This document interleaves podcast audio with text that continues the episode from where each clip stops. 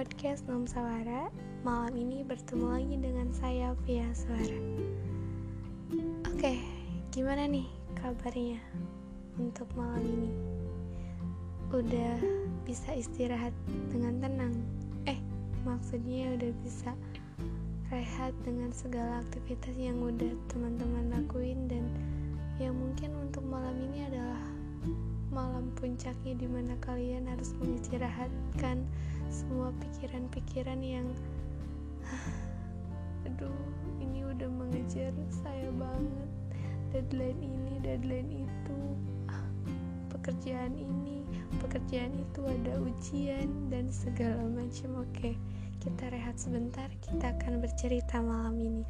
Dan spesialnya malam ini adalah ketika di episode sebelumnya uh, Num Sawara sendiri pernah publish cerita cerita pendek secara acak di situs blog. Nah, malam ini juga Num Sawara akan coba melakukan hal yang sama.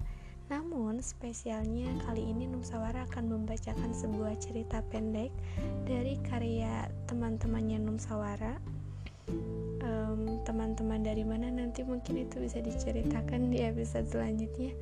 Namun uh, semoga teman-teman bisa menikmati ceritanya oke okay.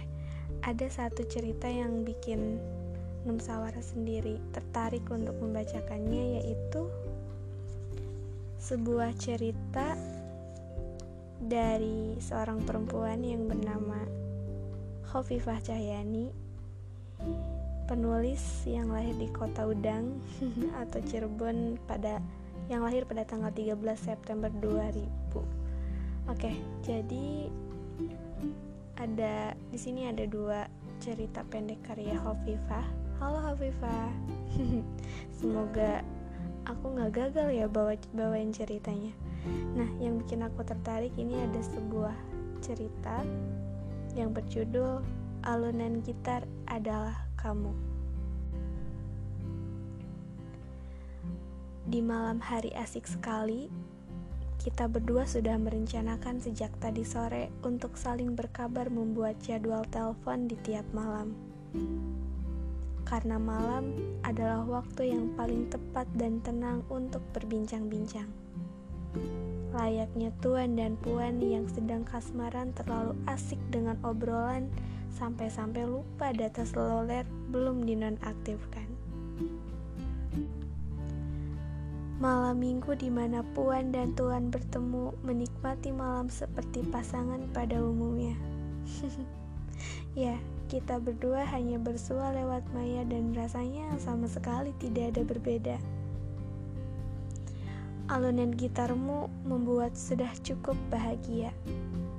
Kau bertanya, Mbak, mau request lagu apa? Panggilan khasmu itu loh mas yang membuat sedikit tidak nyaman tapi tetap aku hiraukan karena suara jemari-jemarimu yang menjelma senar gitar. Um, bebas, jawabku gampang. Ya, mbaknya mau minta lagu apa? Tanyanya lagi. Akhirnya aku sebutkan lagu yang aku inginkan tapi dia menggerutu. Mbak, lagunya jangan yang melo-melo lah ucapnya polos. Kita berbincang masih dalam keadaan di balik layar masing-masing. Dah aku mah sukanya yang melo-melo mas Aku terkekeh dan akhirnya dia bernyanyi dengan lentik jarinya menyentuh senar gitar Aku sangat menikmati sampai terdengar suara di telingaku Mbak tidur ya? Wah, keenakan digitarin seru dia sambil terkekeh. Hmm, maaf mas, ketiduran. Ayo, lanjut lagi nyanyinya. Jawabku antusias meskipun baru bangun tidur. Ya udah mbak, tidur lagi aja udah malam. Besok lagi ya. Ya, kerutuku dalam hati tapi aku tetap mengiyakan agar obrolan kita dilanjut di malam selanjutnya biar begitu menggembirakan sekali. Di tengah malam, kita berbincang basa-basi manis sekali.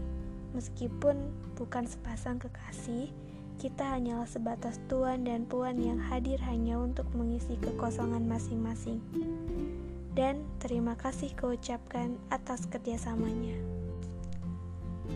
Oke teman-teman, dari cerita ini kita udah bisa um, kasih kesimpulan bahwa yang diceritakan adalah antara seorang pria dan wanita dinamanya Puan dan Tuan. ini sedikit agak sama dengan naskah yang sedang aku kerjakan sekarang ya antara Puan dan Tuan dan uh, mungkin di sini aku kurang tahu hubungan mereka tuh sebenarnya apa sih karena di sini diceritakan layaknya tuan dan puan yang sedang kasmaran. Oke. Okay. tapi uh, ceritanya cukup menarik sih menurut aku.